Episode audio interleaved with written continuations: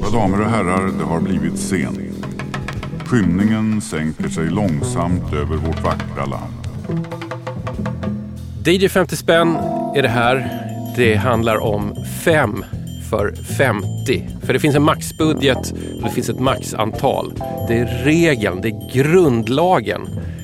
Marin Baroni, hur känns det att gå och plocka skivor i ett så nästan så här diktatoriskt förtryck? Att, liksom Alltså, att någon har sagt hur du ska ångest. göra. Men däremot kan jag säga att eh, jag hade 50 kronor Ja. Mm. redo. Men han gav mig dem för 40. Så mycket tyckte han de var värda. Okej. Fast det stod 10 kronor på varje skiva. Ja. Han bara, jag bjuder på en. Det var en, eh, en skivhandlare med någon slags samvete kanske, som tyckte synd om dig. Undrade nog vad är det för, vad är det för något att plocka ut. Det, jag, tycker, jag har alltid ångest när man ska välja saker. Ja, det är jättejobbigt. Generellt, alltså Mm. göra en årsbästa lista Ja. eller vad det nu är man ofta gör. Det är liksom laddat med väldigt mycket ångest. Välja ett x antal skivor för en viss budget till exempel också. Men det var faktiskt ändå lite bättre urval än vad jag hade kunnat tro faktiskt. Jag tyckte ändå att jag jag kunde ändå hitta något som jag faktiskt, några av dem jag faktiskt kan stå för. Ja, och men kan det är faktiskt fint. prata om. Ja, så att, så det- det tänkte jag var skönt. Mm, så du sitter inte här och liksom skäms å dina skivors vägnar Nej, totalt? nej, verkligen inte. Nej, eller jag, jag kan överhuvudtaget prata. Jag tänkte att jag kommer komma hem med några skivor som jag bara... Ja, jag vet, jag vet knappt vad de är. Det är skitdåligt. Eh, här kan jag faktiskt säga att det jag har en del bra. Var var det du hittade skivorna? På Mickes eh, skivor i Hornstull. På stora eller lilla? På Lilla. Mm. Lilla är härlig, jag gillar den. Jag tänkte att det blir mindre urval då. Eh, Om man nu ska prata... Nu, nu höll jag på att tappa tråden här, men eh, Marin Baroni, vi, vi tar lite kontext om dig. Musikjournalist, Yes. tidigare DJ. Ja. Eller alla är tidigare DJ nu för tiden eftersom det är pandemi och det är Ja, väldigt få, långt mellan spelningarna. ja, precis. Och det är det. Men jag sa ju till dig innan vi började det här programmet att jag faktiskt spelade inte jätte DJ det är inte jättemycket innan corona heller. Jag har gjort det jättemycket i mitt liv. Eh, absolut i 20 års tid Ja. eh, har jag DJat mer eller mindre regelbundet. Men eh, jag tyckte väl att det var på tiden eller dags att en ny generation tog över. Vilket de har gjort. Så Ja. det, det känns jättebra Mm. eh, faktiskt. Eh, sen kan jag fortfarande spela ibland för att man har bra kompisar som fortfarande är ute och spelar och man spelar med dem. Eller vissa bokare som fortfarande vill ha innan. Men, Ja. men, Och- men, men det, är kul, det, är, det är jättekul att göra då och då. Det Ja. tycker jag fortfarande. Ja. Det är underbart roligt. Dina hemmagenrer då, vilka är det? Det är ju hiphop, reggae, jazz, soul. Mm. En hel del också dansmusik i och för sig spelar jag Ja. ute. Alltså elektronisk dansmusik Mm. kan jag absolut spela väldigt mycket ute också. Det ska sägas. Är man stockholmare Mm. och i kanske vår generation så tror jag att man vet eh, vem du är ungefär, vad du spe- spelar för musik. Men jag vet inte hur det är ute i resten av Nej. landet. Eh, Nej, en gång i exempel. tiden var jag ju skribent på Aftonbladet och då var jag ute i landet väldigt mycket eh, och spelade. Och då spelade jag mest hiphop och dancehall då ute på klubbar och en del elektronisk dansmusik. Men det var länge. Ja. det är bra och då kan man vara med i DJ 50 spänn för här har vi inget aktualitetskrav till exempel på, på varken musik eller samtalsämnen eller eh, någonting sånt. Hur är ditt förhållande till liksom gammal, billig, utrensad musik? Jag har egentligen de senaste 15 åren har jag ägnat åt att rensa ut i min egen skivsamling egentligen. Okej, ja. eh, mycket. Eh, det började av rent ekonomiska skäl eh, och sen har det bara blivit att jag egentligen så här, varför ska jag ha alla de här skivorna som jag faktiskt aldrig lyssnar på eller spelar? Eh, eh, och så här, det är kanske någon annan som vill hellre ha dem. Mm. Eh, så. Men sen kan jag inte, för jag vet ju att så fort jag går in i en skivaffär, det spelar ingen roll om det är ny skiv, alltså nya skivor eller det är gamla skivor, då kommer jag ut med ett gäng skivor. Mm. Så att jag har faktiskt lite, jag har helt enkelt förhållningssätt nu, jag går inte in i skivaffärer. Nej, du tar gärna en liten omväg. Ja, sådär. jag tror, och det är lite svårt för jag bor på en gata där det finns två skivaffärer. Ehm, men eh, så att man ska samtidigt vara lite social med dem eh, och vara trevlig men inte gå in i affären och eh, ja, ruinera sig. Men, så att jag, får, jag köpa fortfarande ibland. Men då köper jag verkligen sådär skivor som jag egentligen mer så här vet, det är album, det här kommer jag lyssna på. Mm. Eh, lite ur det kriteriet, någon som jag verkligen vill ha Mm. eh, hemma. Good for you. Mm. Jag, kan, jag har väldigt svårt att kämpa emot den där impulsen. att tänka så här, ja, jag har tid att bläddra lite grann och så Ja. det slutar alltid på samma Ja. sätt. Så Ja. det, jag, det händer att jag Ja. har, har vita veckor Ja, eller någonting. Fast Ja. alltså, det handlar om att inte gå in på skivaffärer eller skivbörsar eller loppisar. För att jag, jag sugs liksom rent fysiskt mot Mm. skivställen där man kan stå och bläddra och så blir det alltid att men det här såg ju ändå intressant ut. Mm. Eller varför inte? Mm. eh, Tänker jag väldigt ofta. Och det där är Mm. farligt att tänka. Varför Absolut. inte? Ja, Men jag har aldrig ja. varit en samlare å andra sidan egentligen heller. Utan för Nej. mig har det mer handlat om att jag gillar den miljön och jag Mm. gillar hålla i en skiva. Ja, Jag har aldrig varit sån som letar efter, du vet, det ska vara en viss press eller ett visst årtal. Eller, nej. Eh, jag skiter fullständigt. Jag kan ha en eh, kopia, en tysk kopia av en eh, Coltrane-platta. Inga problem. Mm. Bara jag vill lyssna på låtarna som jag vill lyssna på. Ja, det är bra. Jag har förstått också att jag egentligen inte är en samlare utan Mm. snarare en hoarder. Ja, ja just det. Så kanske man ska Ja, precis. Och det är rätt skönt för då behöver man ju faktiskt inte det inträde. Då går ju inte pengarna heller. Behöver vara det här. Nej. Man, att man tar de här rare ja, exemplaren som kostar väldigt mycket eller så. Nu känner vi varandra lite grann i, Mm. i, i liksom, vad ska vi kalla det, vinylbruk eh, eller vinylmissbrukskartan här. Mm. Ska vi börja spela ett parti DJ 50 spänn? Det Lägga på jag. din första. Man skulle kunna tro att jag inte har lyssnat på den här skivan på så här 30 år eller någonting, men det är inte sant. Den här åker fram ganska ofta. Jag ska förklara varför sen. Det här är ju så här nattradiointro. Ja, perfekt. Det är roligt, det här är ju, handlar ju om en strippa ju. Ja, själva stämningen i låten där i början låter ju precis som man tänker hur de skulle ha filmat i en 80-talsfilm Ja. också. Well, the men come in these places, and the men are all the same.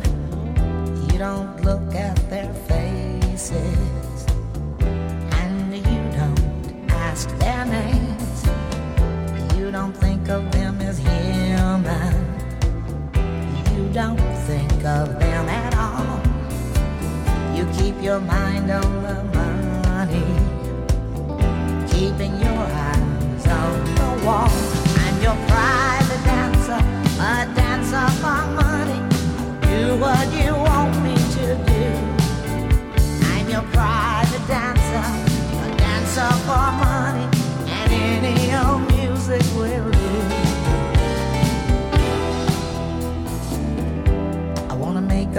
million dollars.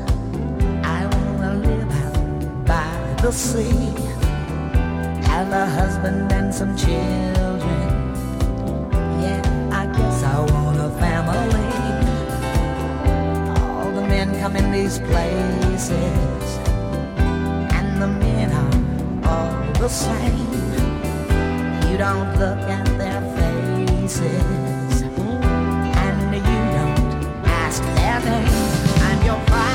dancer a dancer for money, you want you want me to do. I'm your pride and dancer a dancer for money and any old music will do.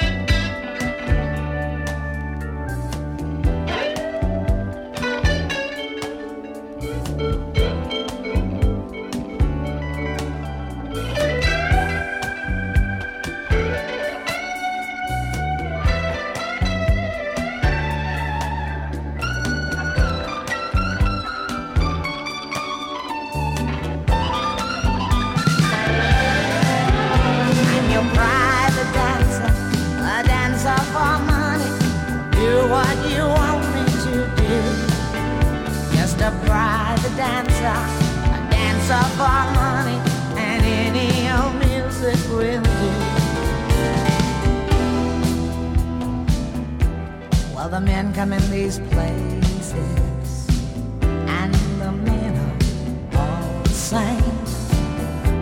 You don't look at their faces, and you don't ask their name. You don't think of them as human. No, you don't think of them at all. You keep your mind on the money, keeping your eyes on the wall. And your private dancer, a dancer for money. I'll do what you want me to do. I'm your private dancer, dancer for money. Any old music will do.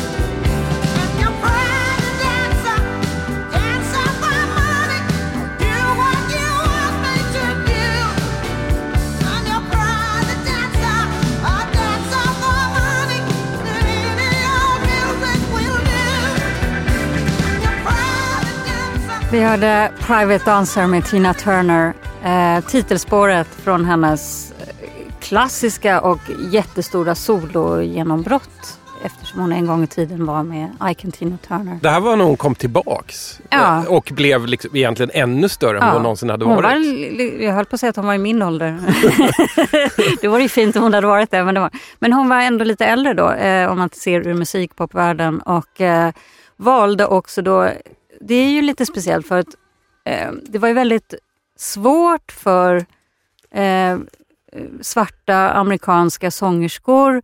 Alltså de var ju, det här, är- det här är det här jag nu planerat att prata om. Ja, för ja, det här jag var så, jag har varit inne i det här Ja. ganska mycket på senaste. Go att, nuts. att eh, de var ju i högsta grad med och, och startade vad vi då kallade rockmusik. Absolut. rock'n'roll, Men Mm. har ju liksom skrivits ut ur musikhistorien Mm. Mm. extremt mycket. Man pratar om ja, men, Jerry Lewis, Chuck Berry, eh, Little Richard, alltså massor sådana här. Men, men kvinnorna som var i allra högsta grad fanns också, eh, har liksom försvunnit ur Mm. den. Och samtidigt var det alla de här engelska vita rockartisterna som kom fram, såklart Rolling Stones, och, Mm. och, men även The Beatles och, alla, alla andra, de här banden som kom. De lyfte ju ofta de kvinnorna som deras stora förebilder. Mm. Eh, att det var de första de lyssnade på och tog till sig. Och eh, Tina valde ju att åka till England och jobba väldigt mycket med engelska eh, rockmusiker och ta steget också. Det jag tycker är lite roligt nu, för jag kommer ihåg då var det mycket man pratade om att Tina Turner liksom gick rock. Men när man lyssnar på det här, det är inte så, det är inte så där, det är inte så överdrivet rockigt bara för att hon jobbade med, med, med brittiska eh, rockmusiker Nej men precis. Nej, men det här, i, i soundet. det här Så- är ju, alltså den här skivan, alltså Private Dancer-skivan med Tina Turner, det är väl ändå så här 80-talets liksom radiopoprock i ett Precis. nötskal. Du, du har ganska mycket olika musikgrejer som du häller ner i en mixer och så mixar du det ganska slätt och sen kan alla på något sätt gilla Exakt. det. Det är jätteintressant det där för det här är ju en, en så helt, förutom Tina Turner så är det här en så här helt brittisk produktion, hela det här albumet. Mm. Ja, den var här, ju- ja, den var här låten som- är skriven av Mark Knopfler, alltså Ja. Mark Och- Knopfler Dire Straits-gubben. Ja. Sen har hon ju också, och det är precis det, eh, att, att det är ju en blandning. Hon har ju inte glömt sitt eh, arv, om man säger så. Det finns ju med där, inte minst med hennes röst, men också, hon gör ju låtar Ann Peebles, I can't stand the rain, Mm. eh, Al Greens, Let's stay together. Just det. Det, det blir ju någonstans ändå, precis som du sa lite, en blandning av allt det bästa i en lite mer kanske urvattnad form, för att vara lite taskigt sagt. Så, Ja. men, men ändå. Men ja, jag älskade det här när jag var liten, eh, när det kom ut. Och eh, visst, det är ju fortfarande, det är ju, jag har ju svårt att se att det är ju väldigt 80-tal, så det är inget, Mm. det är inget snack om saken. Men det är ju otroligt starka melodier. Hon har ju en hon är ju en makalös artist, Tina. Mm. Då. Jag tänkte på det när jag lyssnade, för det är roligt det där, när man har lyssnat på en skiva mycket när man har barn, så fattar man ju oftast inte så mycket. Nej. Man bara gillar typ melodier eller vad det är. Ja. Och eh, Private Dancer handlar ju faktiskt om en strippa. Ja. Vilket jag tror jag var helt ovetande om, eh, kanske när jag lyssnade på den här. Eller inte förstod riktigt eh, vad det innebär. Och jag tänkte nu, nu kan man ju lyssna på låten på ett helt annat sätt än när man var yngre. Och jag tänkte på just hur fantastiskt Tina Turner gör det. För hon är ändå känd för att vara väldigt så här, explosiv, Mm. eh, tar i, alltså så mycket känsla eh, på något sätt i allt det hon sjunger. Den här låten sjunger hon precis som utifrån texten. Hon är väldigt blasé. Ja, Och, och det tycker jag visar verkligen, jag, som jag aldrig tänkt på förut, att, Mm. att hon är så himla bra på här att liksom följa just någon slags, eh, vad texten en blasé strippa som, som, som står och dansar. Och, och hon, ja, så att det är grymt eh, gjort, märker man, som sånt som jag inte tänkte på när jag var liten och hörde Nej. Nej, här precis. nyanser till eh, rösten Mm. till exempel. Jag har ju under en tid i, i mitt liv som i alla fall ung vuxen försökt liksom distansera mig väldigt mycket från 80-talet för att jag vill inte ha de här stora biffiga trummorna med jättemycket rumsklang eller eh, vad det nu kan vara. Eh, och då var det väldigt länge sådär att jag tänkte att det här är en riktig skräpplatta, tänkte jag om den här Tina Turner-plattan. Sen för några år sedan så gick jag och eh, tänkte så här, äh vad fan, på skivbörsen. Den kostar ju bara fem spänn. Tar hem den och så skippar igenom låt för låt och tänker så ja, ja, ja, ja, ja, ja. Och sen kommer jag fram till en, jag tror att det är sista spåret på hela plattan och hajar till. För att jag tycker så här, är det här Tina Turner? Tänker jag. Jag, ska, jag kör lite, ja, gör det. lite av den, hur, du, hur du reagerar. 1984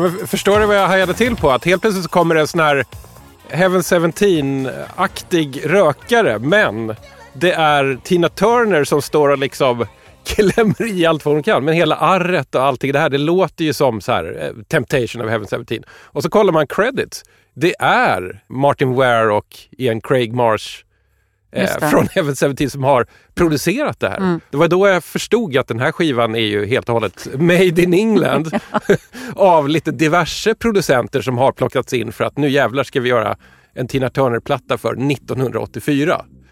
Men det finns ju också en tidigare sån här, lite så här spin-off till Heaven 17 som heter BEF, British Electric eller Electronic Foundation.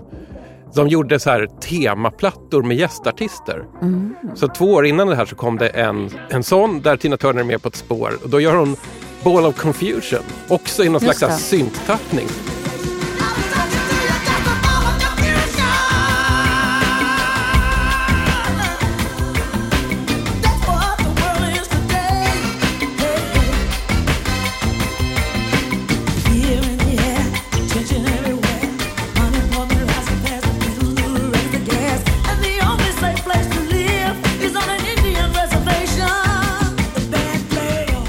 Jag läste precis en bok som heter Black Diamond Queens Mhm. eh, av en Maureen eh, Mahone, eller Mahon, jag vet inte hur det uttalas riktigt. Som är om African American Women and Rock'n'Roll. Och där hon har ägnat just ett kapitel åt Tina Turner bland annat. Men också andra eh, kvinnor, lite det här som jag var inne på innan med historien. Med, men där också, var- om jag kortfattat om jag fattar eh, lite så ändå, så var det just det här att eh, de svarta kvinnorna, artisterna i USA, där var det ju så rassegregerat också. Och eh, helt enkelt så skulle svarta kvinnor låta och bete sig på ett visst sätt. Eh, musikbranschen där var mycket mer strikt eh, utifrån liksom soul och skil, eh, som just skilde på, mot Mm. pop eller Mm. mot rock. Mm. Eh, och så vidare. Så jag tror att det var många av dem som kände sig ganska begränsade Ja. eh, i, i vad de eh, kunde nå och ville göra. De, det var liksom ingen som förstod varför ska ni göra det här? Mm. Det var också kanske lite för sexuellt ofta också, för lite Mm. för utmanande med att eh, ha liksom, eh, den typen av fria och eh, artister.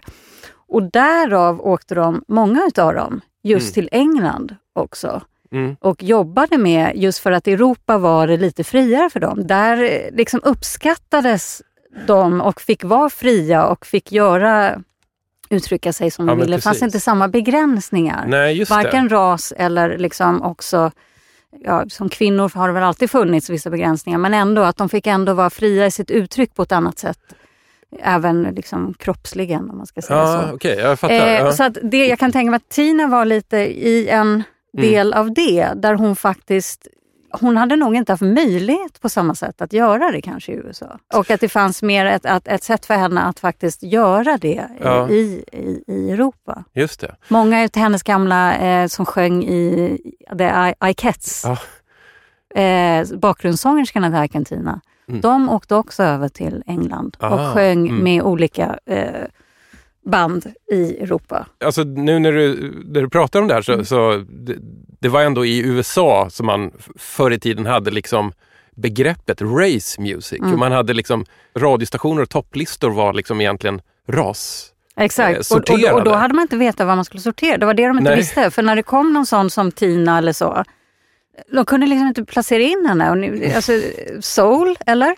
Eller är det Ja, rock, eller är det ja. funk? Eller är det, Ja. du vet, det, är liksom, alltså, som exempel. Mm. Det var ju många av dem som liksom, när det inte gick då att sortera in, då visste de inte vad, hur de skulle lansera dem här. Eh, Mm. Hur de ska liksom promota dem, Ja. ungefär. Då, då blir Europa utvägen. Ja, Det, det finns ju några så här, Tina Turner soloplattor innan Private Dancer. Alltså från tiden efter att hon lämnade. Ike Turner Mm. och till det här stora genombrottet. De ser aldrig till. De verkar ha eh, inte sålt alls. Det, det var nog en liten ökenvandring för Tina slutet på 70-talet, början av 80-talet, tills det här hände. absolut. absolut. Det här är ju någonting som är så lite vuxenmusik. Jag brukar ibland fantisera om att när kungen, alltså kung, kung Carl Gustav, ska ha lite egen tid och ta någon av sina fräsiga, lyxiga bilar och ska köra ut på den sörmländska landsbygden, så tror jag att han ibland poppar in Tina Tina Turners Turner. Private Dancer-platta i CD-spelaren och så här njuter. För det är någon slags här vuxen framgångsmusik som är eh,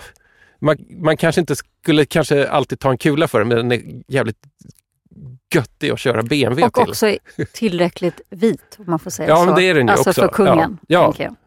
Du, ska vi, jag vet att du har eh, fler kvinnor från den amerikanska södern här. Ska vi Ja. gå vidare till din ja, nästa? Ska vi ta från grunden då? Vi Ja, börjar det, bakåt ja, det tycker kanske jag. bra. Mm. Var, var Tina, eh, skulle jag kunna säga, tog sin inspiration och växte upp med. Ja, men- Säger jag utan att, utan att ha eh, extremt statistiska belägg för det. Men jag tror inte det finns någon eh, amerikansk sångare eller sångerska som inte har vuxit upp med nästa. Gonna lay down my sword and shield down by the riverside, down by the riverside, down by the riverside. Gonna lay down my sword and shield down by the riverside. Study war no more. Well, ain't gonna study one more. Oh, study one more. Ain't gonna study no more. Ain't gonna study one more. Oh, study one more. Ain't gonna study war no more. Well, I'm gonna put on my long white robe down by the riverside, down by the riverside, down by the riverside.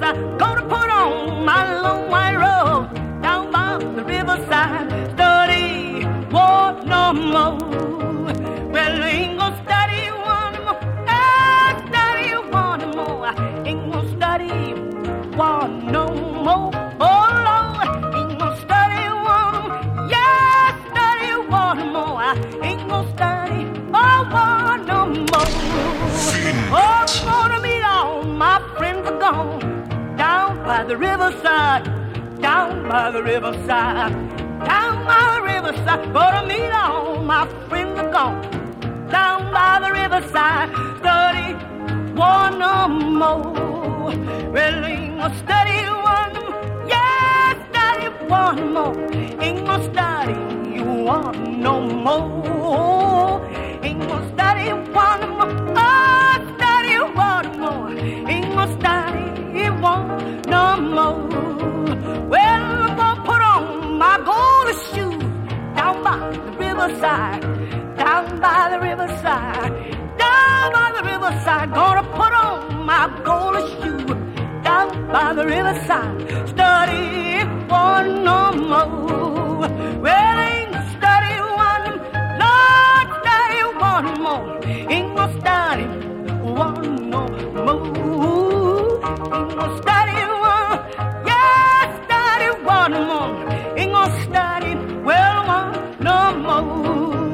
Oh, I'm gonna meet my dear old mother down by the riverside, down by the riverside, down by the riverside. Gonna meet my dear old mother. Mahalia Jackson. Ja. Vi kom fram till att säga Mahalia. Ja. Det är alltid det där lite Mahalia, Mahalia. Ja. Så att man kanske kan, om det är någon som lyssnar här och vet, kanske kan informera oss. Ja, dra ett mejl till hej dj50spann.se. Vi gjorde en liten snabb översättning. Jag sökte på, på Youtube och så, så här hittade någon något klipp där någon pratar om Mahalia Jackson. Och så, det var filmat i en kyrka, det var en predikant eh, som kom liksom från rätt bakgrund. Kändes som, det kändes södern och tänkte att han, han borde veta. Ja, vi kör på Vi kör på Mahalia. Mm. The Queen of Gospel of all times. Ja, Eh, Det här är ditt fynd. Det här är Eh, mitt fynd. Jag en- hittade en dubbelskiva Ja, med henne. Visserligen då en, eh, någon slags tysk eh, tryck som är eh, press, men det, Ja, det står på bryr tyska. sig? inne. Ja, det låter. Det är Mahalia Jackson. Ja. Och också, också upptäckte jag då när jag tog ut dem, nästan helt ospelade ja. dessutom. Tack Tyskland, det, Ja. var, det var bra pressat. Ja, det var ett, eh, det var ett riktigt fynd. Eh, nej, men så jag tycker att allt med Mahalia Jackson skulle man kunna kalla är ett litet fynd. Det finns väl ingen som var större än henne inom gospelvärlden egentligen. Ehm, och då får man inte glömma att alltså, när man pratar om gospelvärlden i USA den tiden, det var ju inte så här som att det var ju den stora populär, alltså det var lika stort som om man tänker populärmusik var. Mm. Det var inte någon eh, liten eh, scen. Nej. Utan, utan det var ju minst lika stort. Sålde, sålde ju, hon sålde ju skivor lika mycket som på de största mm, poplistorna om man säger Ja, så. ja, ja. Mm. Eh, så det var en enorm skivförsäljning och massa gospelradiokanaler och var ju stor, stor, stor business. Eller Mm. är ju fortfarande för Mm. den delen. Men jag menar, då var det ju en, en eh, jättestor business. Så hon var ju verkligen en jättestjärna. Ja, även internationellt. Alltså Ja. det, det är inte jätteovanligt att hitta Mahalia Jackson-plattor i Sverige. Det finns en hel del. Nu tror jag att den här, den här julskivan som hon gjorde någon gång, som är liksom en gospel-julskiva, kanske är allra vanligast. Men jag hittar andra, Mm. ofta samlingsalbum. Så att det har ju bevisligen sålts här också. Absolut. Och hon valde ju faktiskt aldrig, hon är väl en av få som aldrig gick till den sekulära popvärlden. Trots Ja. att hon fick eh, erbjudanden efter erbjudande. Om Ja. man tittar på alla de här Sam Cooke, Ray Charles eller, Mm, och så vidare. De alla lämnade ju, det var, det var ju liksom förbjudet, tabu. Ja. Du fick ju inte sjunga om annat än Gud och Jesus. Ehm, det var ju liksom haram. Ehm, så att, ehm, men men eh, hon, hon vägrade, hon höll sig minsann. Hon, hon gick inte över till, och, också på det sättet då, då tjänade hon ju inte, säger man ju, riktigt lika mycket pengar. Det var ju då Mm. ofta, alltså Sam Cooke och de gick ju över också, dels för att de ville bli stora i en annan värld och kunna sjunga andra sånger, men också av ekonomiska Ja. skäl. Att det fanns Mm. fortfarande mer pengar i att spela eh, på ställen av eh, andra, andra konserter på andra ställen än i kyrkor. Mm. Det. Men det fanns Ja. ju sådana här kyrk circuits, alltså sådana här uh, turnéer som var runt hela USA. Men, men det var ju såklart inte kanske samma Ja. pengar ändå som, eh, som inom populära världen. Men så att hon höll sig fast vid sin eh, ja, gud, får man väl säga då. Ja. Har du lyssnat mycket på eh, gospel? Egentligen inte.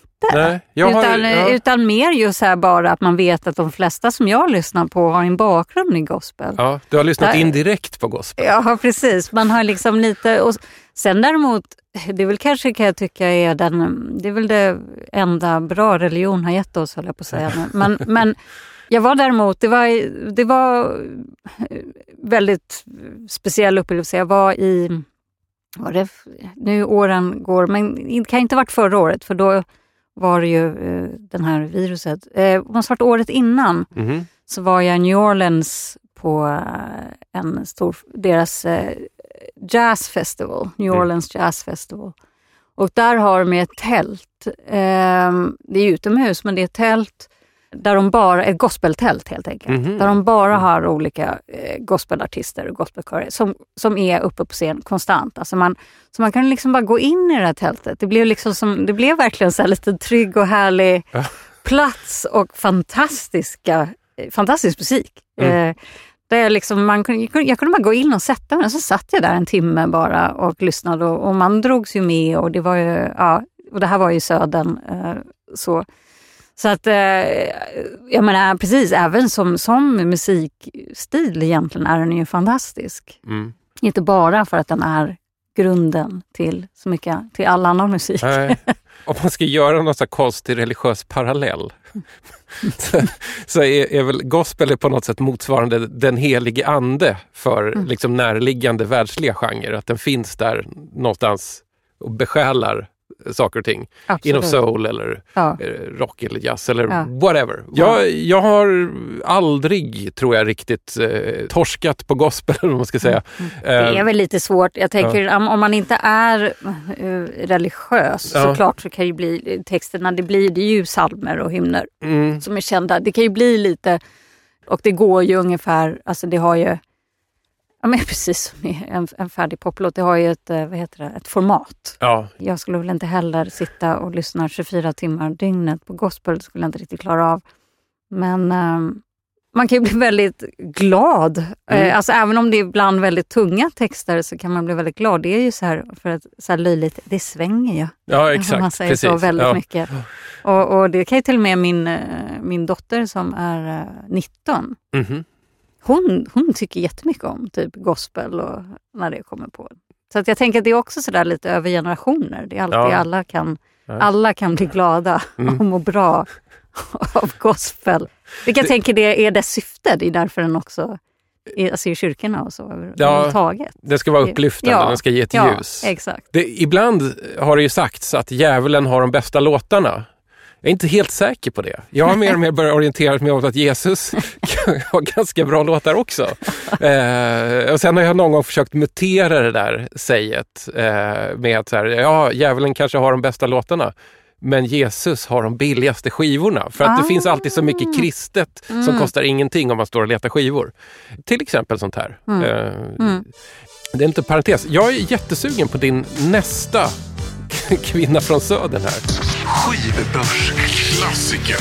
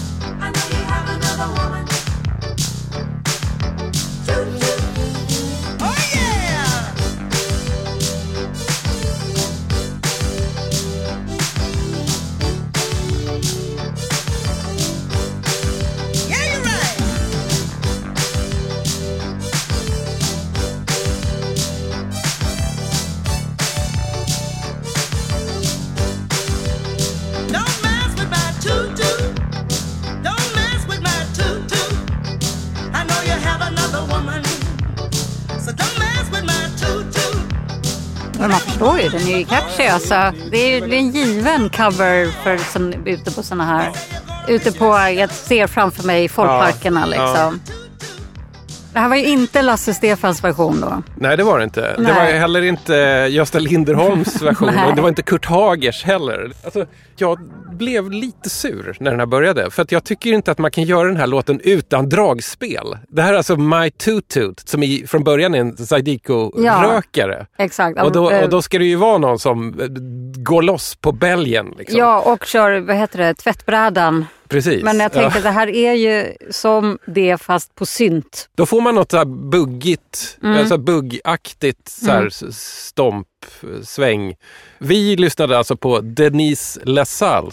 Precis, som, som, det här var väl ett försök för henne på 80-talet. Hon har ju liksom var ju en ja, soul och blues-sångerska från 60-70-talet där hon egentligen eh, var. Eh, men försökte väl göra som många andra när det började gå lite sämre tider att eh, försöka slå sig fram med någon slags eh, eh, hits, singelhits på 80-talet. Och det här var 85. Ja. Eh, och faktiskt var det ju så att originalet då, den här Zydeco av eh, Rockin', vad fan hette han? Eh, Rockin' Sydney heter han. Rockin' Sydney heter han ja.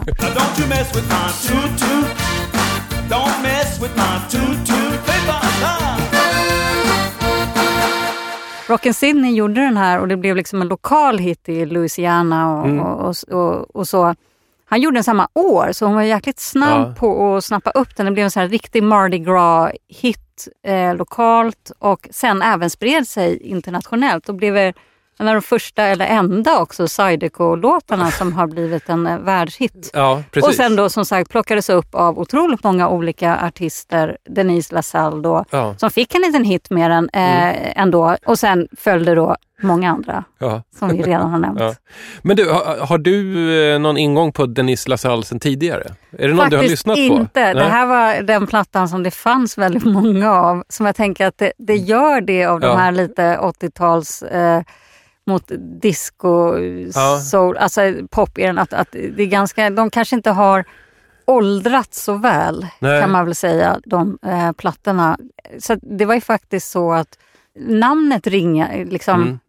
vad heter det? Det ringer en liten klocka ringer, när du ser ringer en liten Ja. klocka vid namnet men var tvungen att gå tillbaka och vilka lov, vad är det nu, vem är hon nu egentligen? Eh, så så att, nej, jag har ingen relation till Denise LaSalle Nej. så. Jag, jag har chansat lite på, på, på några av hennes skivor tidigare och tyckt att det varit ganska bra. Men då har det varit innan det här. Det har varit 70-tal och då går det Precis. åt soul, disco Exakt. hållet. Och, och ganska ofta är hon också alltså, låtskrivare. Exakt, det var Eh, faktiskt ja. det hon var i, i, i första hand. Och hon var ju aktiv, det var ganska nyligen hon dog. Eh, Det var inte så länge sedan. Jo, hon var ja, ganska nyligen dog och hon var faktiskt aktiv ända på scen och körde live eh, ja, fram tills hon dog mer eller mindre. Jaha. Så hon har ju ja. ändå varit en sån där, eh, en av de här som har kunnat fortsätta vara ute live och sjunga. Men mer då kanske på hennes eh, ja, blues och Ja. soul-grejer då. Var det mer de grejerna som kanske höll henne vid liv, höll jag på. Ja. Ja. Nu när, du, när, när du pratar lite grann Mm. om det här med att eh, man har haft en karriär i soul eller funk eller disco-genren och så börjar det gå lite trögt och så kommer 80-talet och så vill man hitta ett nytt sound och göra nya hits och sådär. När du sa det så, så kopplade jag i huvudet ihop den här med så här Pointer Sisters i mitten på 80-talet. För då helt plötsligt så kom de med något så här ganska syntdrivet sound och allting lät liksom helt plötsligt så här studsigt. Eh, Neutron. Dance. Ja, eller, Som jag älskade i och för sig. Ja. Och, och jag tycker ändå att det fanns ju ett, jag som då är, var liten då och man kan ju säga att jag liksom på sätt och vis ju Visserligen så hade väl kanske några tidigare Pointer Sisters men det var ju då, alltså det gjorde ju att man, att, eller i varje fall jag gjorde, letade mig bakåt. Ja, Alltså att Neutron Dance blev en sån enorm hit med Pointer Sisters och då, det ledde ju till att jag började kanske gå tillbaks till att lyssna på gamla Pointer Sisters. just det. Men, men det var väldigt mycket eh, då såklart.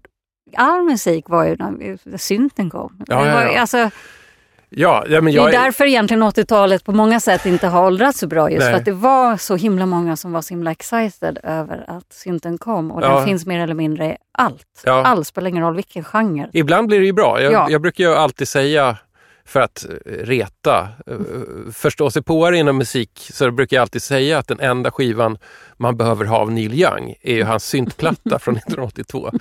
Vi, vissa tar det med ro när jag Ja. säger det, men vissa blir ju faktiskt provocerade. Ja. Men det, det var ju någonting som hände där, att du, Ja. du var tvungen att få ur dig din syntiga Precis. platta. Jag kan ju fatta som artist Varför ska du vara kvar och göra ditt eh, gamla samma du har gjort? Ja, du har ju redan Alltså, gjort det. Ja, så jag kan ju verkligen förstå att artister eh, ville och vill fortfarande. Jag kan verkligen, även om det inte alltid blir bra, så kan jag alltid respektera artister som försöker ja, göra någonting annat eller något nytt än vad de gör.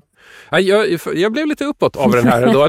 Du vill gå ut i folkparkerna Ja, men- ta en liten sväng om Ja, och bugga lite? Ja, kanske det. Det är synd att jag inte har mina eh, Zydeco-plattor här, för det, jag har börjat köpa det. Ja. Eh, Jag trodde inte att det skulle bli så att säga min musik. Jag lyssnar inte på det varje dag. Men ibland känner man ju att man vill ha redigt korkad musik. Känner du igen den känslan? Ja, absolut. Det får man ofta av Zydeco. Det är ju bara håll igång. Det är det det är. Hittade du någonting att chansa på? Eh, och den här har jag då tog, tyckte jag skulle vara en överraskning för oss. Eller jag blev nyfiken och ville att vi skulle lyssna på båda två. Mm. Ja, du har inte förlyssnat? Nej, Det har inte jag heller. nej. Så jag tyckte att det var lite roligt att eh, vi skulle göra det ihop.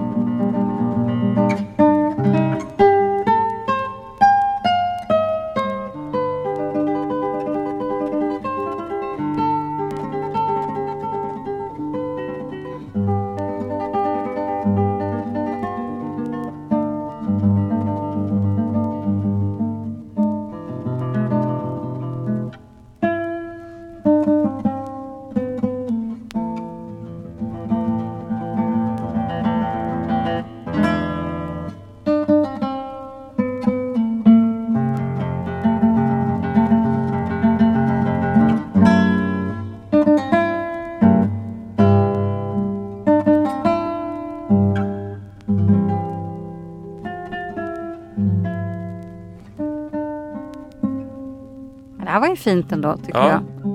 Jag gillar ju lite såna här, det här är en, em, jag har ju läst då på bak, det är så fint med såna här gamla omslag för det står på, på omslaget Man på får baksidan. lite information, man får kontext. Precis, och sen står det på spanska. Men om min spanska är väl sådär, men jag kan lista ut eh, så mycket att det är, em, han är en eh, kubansk gitarrist, Rey Guerra, Ja, eh, som eh, föddes i Kuba 1950. ja. Just det här vi hörde var av eh, Mario Castelnuovo Tedesco som levde i Los Angeles åt- 1895 till 1968. Mm. Och eh, Ray Guerra har, tyd, han har spelat mycket för olika eh, bal- balletten i Havanna och olika eh, där, men också turnerat, förutom i Kuba, turnerat i USA och Sverige står det här. Se där. Bland annat. Den här Eh, skivan som du har hittat, den heter för enkelhetens skull också Gitarra. Ja, så man förstår Gitarra. precis vad man ska få. Alltså allt det här som du har sagt nu, det här är fullkomligt nytt. Jag gillar ibland att lyssna på sån här musik när det bara är ett soloinstrument och ingenting annat. Mm. Nu satt jag med lurar förstås och lyssnade på, men man hör hur han andas medan han spelar. Jag tycker det där är lite härligt. Jag tycker också att eh, jag gillar ju det här när det är, det här är som precis när det blir, blir klassisk gitarr men det är Mm. inte västerländsk klassisk gitarr. Det är det här kubanska Det, eller latinamerikanska soundet i det hela. Har du någon sån här typ av instrumentalmusik, eller vad man ska säga, som, som du ofta lyssnar på? Ja, Jazz är ju instrumental. Ja, eller det ja. finns ju som vokal också men, Ja. men, men jag är nog mer, jag lyssnar nog mer på den instrumentala jazzen Mm. än den vokala jazzen. Ja men det skulle vara det kanske för jag tänker att mm, ja, en viss elektronisk modern musik. Jag lyssnar nog mycket, ganska mycket på vokalmusik ändå. Ja, Men, men jag har absolut gärna sån här. Jag lyssnar väldigt lite på västerländsk klassisk musik. Jag Ja. lyssnar ju hellre på det här då. Det är konstigt att det ändå på något sätt blir mer inbjudande. För jag är lite som du också. Att jag tänker ibland att jag, ska, jag borde lära mig att lyssna på klassisk musik. Men jag, jag, det är sällan jag liksom lyckas med det. Jag vet inte heller om det är ett öra man är van eller... Nej, eller smak, smak. smak. Men jag tycker det är intressant med, med alltså musikgenrer som man lär sig eh, lyssna på. Alltså så där det krävs lite träning. För att jag har ganska nyligen kommit till eh, punkten då jag faktiskt kan så här, njuta av en så här riktigt gnisslig svensk spelmansplatta. Det ska helst vara en jättegammal gubbe som bara spelar helt själv i en lite halvkass inspelning i någon bygdegård och det ska gnissla. Det, Där kan vi snacka ja. äkta. Och det, och det låter ju så här, första hundra lyssningarna så är det så här, det, det är ju oljud i örat.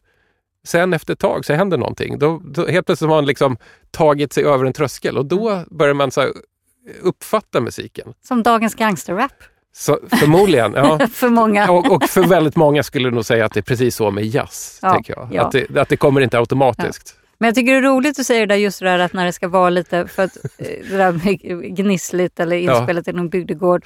För att det finns ju någonting ganska charmigt med när det inte låter perfekt. Ja, exakt. Alltså när det Mm. är liksom något slags... ehm, det var just bara för att jag sa det där med gangsterrap, för det är lite så här faktiskt att mycket av den nya gangsterrappen kommer från samma grej. Det ska vara...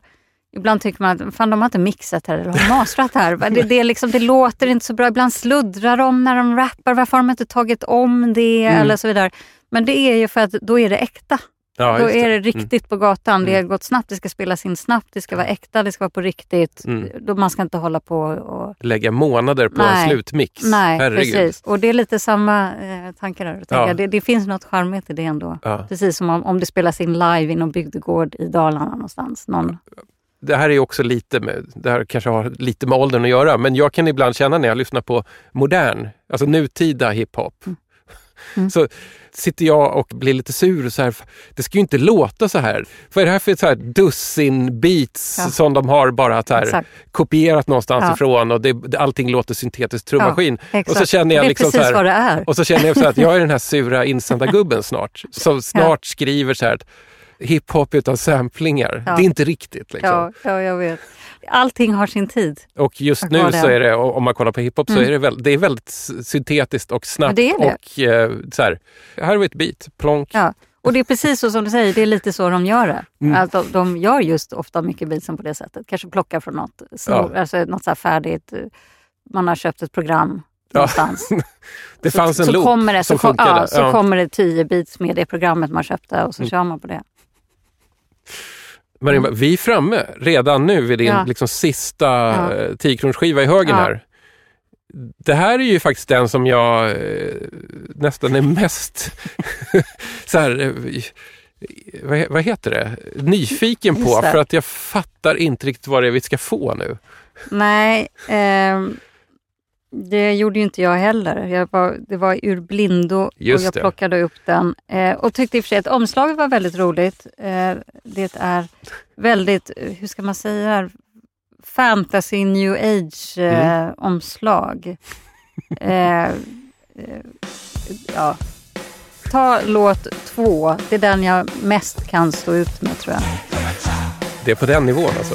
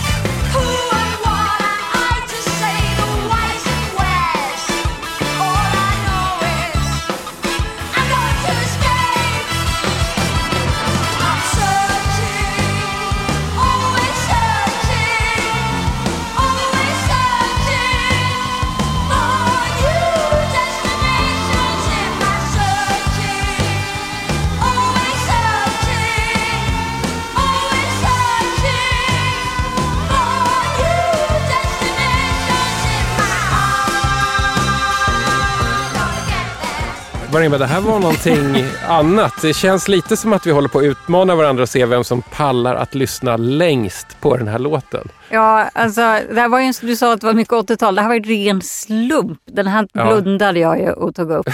Och jag tänkte kul omslag, kul att vara en Ja. tjej. Ja. Eh, tills jag sen satte på Mm. eh, skivan. Skivan som du hittat är alltså eh, The Changeling av, av bandet Toya som leds av Toya Wilcox. Mm. Som är en, någon sån här, i Storbritannien tror jag att hon alltid är så här superkänd på något konstigt sätt. Alltid i alltid med i någon film, alltid med i något musikprogram. Ja, alltså, har jag är inget band. personligt mot den här sången. Det är bara inte min, min, min grej. Om man säger Nej, så, men den okej, här det, musiken. det lät sådär Eh. om vi ska vara snälla. Ja men dels, alltså, men det, var ju, det är ju lite det där när, eh, det är ju fint när, när människor vill vara lite experimentella på något sätt, lite Mm. alternativa, att det inte ska vara... Eh, men när det blir mycket av, eh, när det skär sig liksom mellan instrumenten och mellan ljuden, när det liksom inte det kanske hade funkat om det bara funnits någon, någon annan liksom producent som styrde upp det hela på något sätt. Ja, Eller,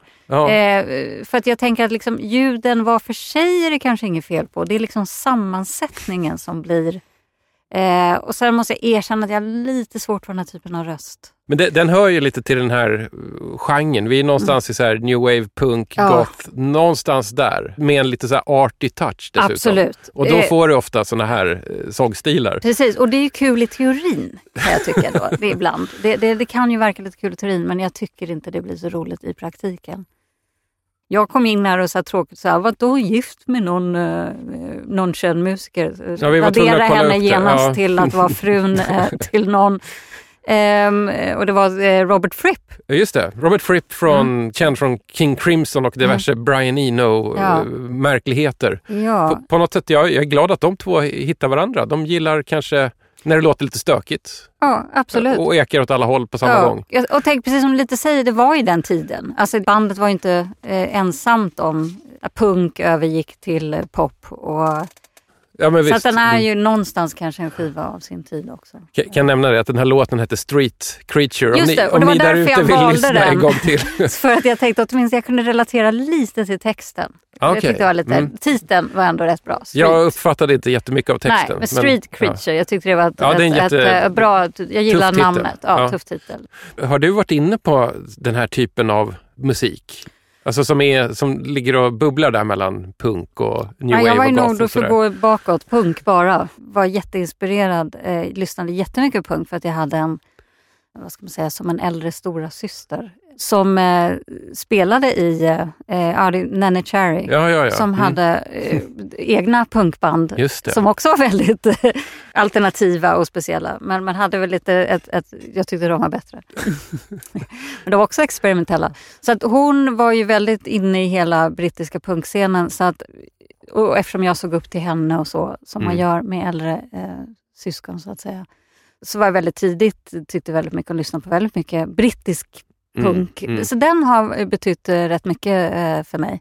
Men sen tappade jag när det gick eh, åt, åt ett annat håll. Så det är mer bara den rena, rena punken. Ja. Så.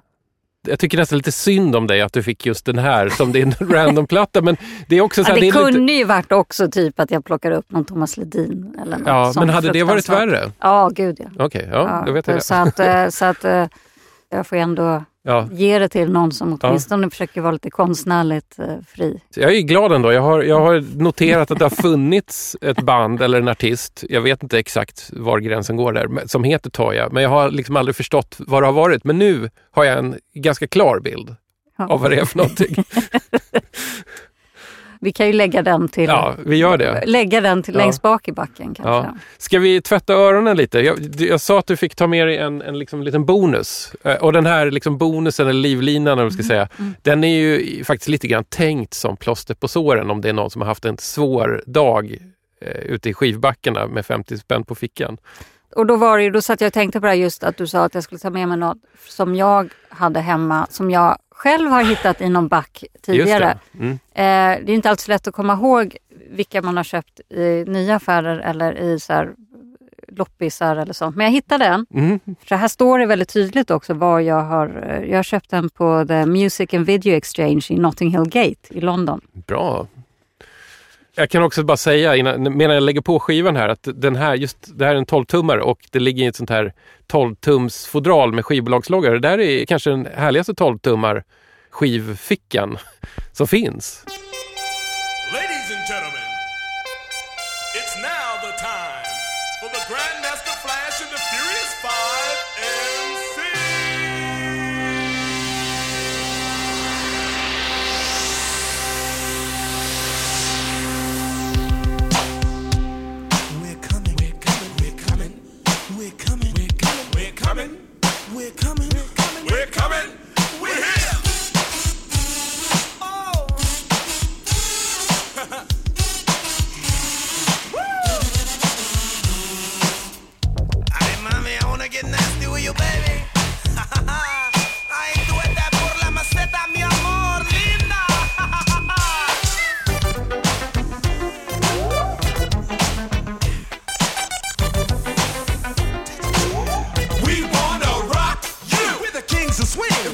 To rule. The things of clean inside the cool school. We're the chiefs of relief. Contain a wild beast. The finesse of the west. The masterpiece of the east. the bars of cars. The lord of the afford. The ones with the platinum vocal cords. We're the science of desire. With the magical might. The monarch of the dark in the night of light. We advertise. And specialize in the exercise that will energize. The young lady thighs. Cause all the fly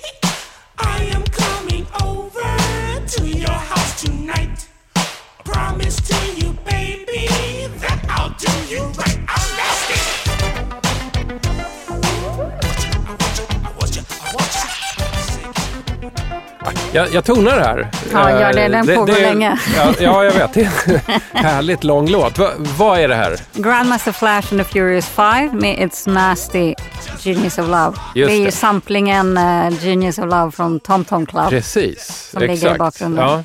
Den här hade du plockat upp i, vad sa du, i, I? London ja. någonstans. Eh, Notting Hill. Notting Eh, Hill. men eh, egentligen det var ju precis så här, det här är en sån tidig, ja första hiphopen och jag var ju egentligen, jag var ju för, liten egentligen, absolut när den här kom ut. Ja. Men det var lite det att man visste inte vad någonting var. Man hörde bara, då hade jag som jag nämnde innan eh, med att jag hade äldre personer kring mig. Med Nene Cherry, hon bodde ju i New York. Mhm. Eh, och Mm. då fick jag liksom till mig, för det fanns ju inte här i Sverige. Nej. fanns inte på tv, spelades inte på radio, fanns inte, man, man, ingen aning, den här musiken fanns inte helt enkelt. Nej. Men så fick man liksom höra, hon kom från New York och berättade lite och hade med sig de här liksom tolvorna med sig, någon, någon låt från dem och så.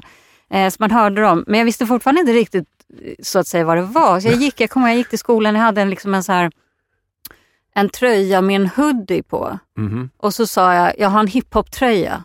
Jag var kanske sex ungefär. För jag hade hört att jag hade en hiphop-tröja för att man hade Luvor var ju till för då i början för att du skulle kunna breakdansa så du skulle kunna snurra på huvudet.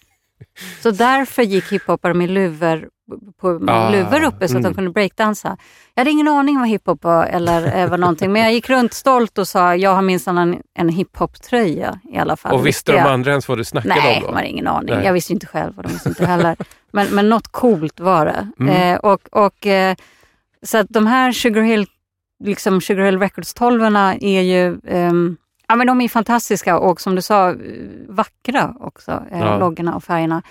Eh, men, men det är ju inte, vad ska man säga, de var ju starten på något eh, så otroligt mycket större kanske egentligen. Man, Ja, och jag sa, jag sa det, den här har ju jag spelat ute så mycket för att den, den funkar överallt. Ja. Alltså, man kan spela den på vilket dansgolv som helst för vem som helst och, och Mm. alla älskar det. Jag, jag tänkte fråga här, du, alltså, du hänger ju ändå med i, i, i dagens musik och i dagens hiphop och sådär. Och vi, vi nämnde lite så här, vår tids gangsterrap nu. Så här. F- Få höra, hur, hur, ser, hur tycker du att liksom, hiphop-klimatet är nu, idag? Stor fråga. Ja, det är en jättefråga. Jättefråga. Alltså, eh, jag säger så här, jag inser mycket väl att hiphop på sätt och vis har sprungit ifrån mig. Jag Ja, är en ja. gammal... eh, Alltså jag lyssnar och hänger med och tycker att det finns viss ny hiphop som är jättebra. Mm. Ehm, eh, men jag tycker att eh, det är inte bara hiphop, tänker jag, utan det är mycket musik som en gång var... Det finns liksom inte subkulturer på samma sätt. Nej, det har Eh, försvunnit. Mm. Och det är inte den här samma experimentlust. Alltså man tänker sig att hiphop, en av de viktigaste inom hiphop förut var ju att du ska aldrig låta som någon annan.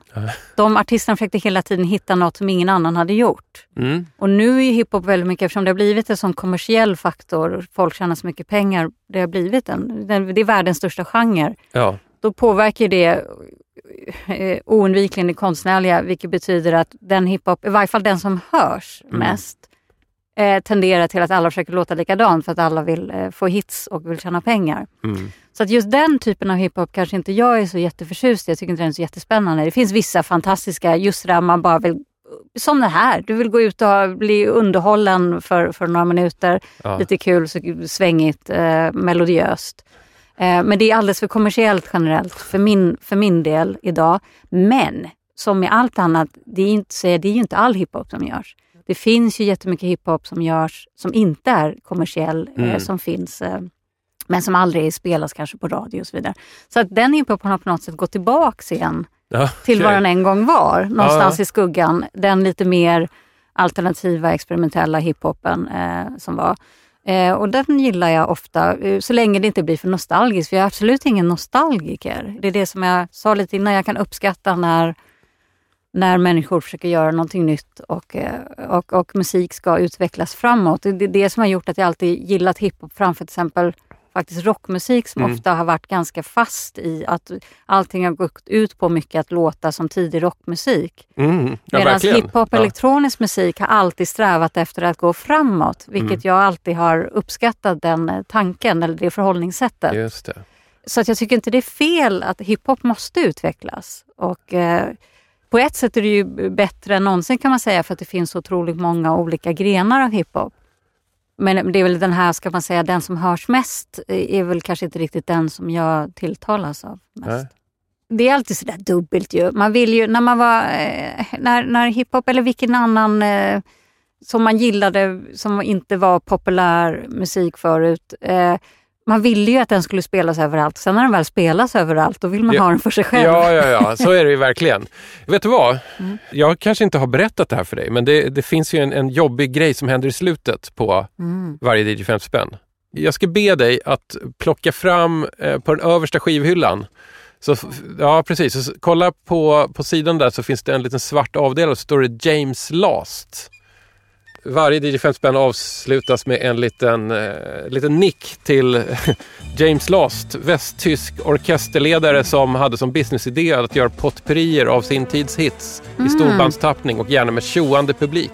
Nej, fy fan. Jag hör direkt att det gör- låter jobbigt. Jag lägger på den här så Ja. blir det liksom lite så här hej då ehm, Fantastiskt. mm, låten helt enkelt. Hur kändes det att vara med och prata om gammal utdöd skivbörsmusik här? Nej, men det är roligt. Det är Ja. alltid roligt att prata skivor. Det kan man göra eh, länge som Ja. helst. Och hur mycket som helst. Jag hoppas lite att vi, att vi så här, eh, höjde respekten en, en aning för den här eh, Tina Turner-plattan. Ja, det hoppas jag också. För det är de värd. Ja. Hon är värd. Helt klart. Tack för att du var med. Tack. Det är lite så här, för det här är ju, det här är ju så här, varenda loppis Nej, Så jag började. Jag började köpa dem. Okej, vi kör lite eftertexter. Även om jag anar att ni otåliga stresspellar där ute redan har stängt av för länge sedan. Men i alla fall. DJ 50 spänn är en fyrbåk i algoritmernas cybermörker. Istället för en corporate superdator som AI-matar dig med riskkapitalistisk musikdiet så får du här lite slumpvis upplockad musik direkt ur loppis och skivbörsmyllan. Jag som bossar över operationen heter Tommy Jönsson. Och om du vill säga mig någonting så finns det massor av möjligheter. Du kan mejla på adressen hej dj50spann.se. Men du kan också följa mig på sociala medier. dj50spann finns på Instagram, på Facebook och till och med på Sverigesarnas och nyliberalernas eget favoritslagfält, alltså Twitter. Och eh, sociala medier är ju sociala, så det går bra att kommunicera med mig den vägen och eh, hänga med lite andra goa vinylhårdande nördar där. DJ 50 spänn görs i samarbete med produktionsbolaget Rundfunk Media i Stockholm. Och tack också till Gunnar Lindberg Orneby som har styrt upp servrar och system bakom kulisserna på sajten dj50spann.se. Stort tack för att ni lyssnade. Fortsätt gräva. Vi hörs snart igen. Kombination nummer 6. Nytt steg.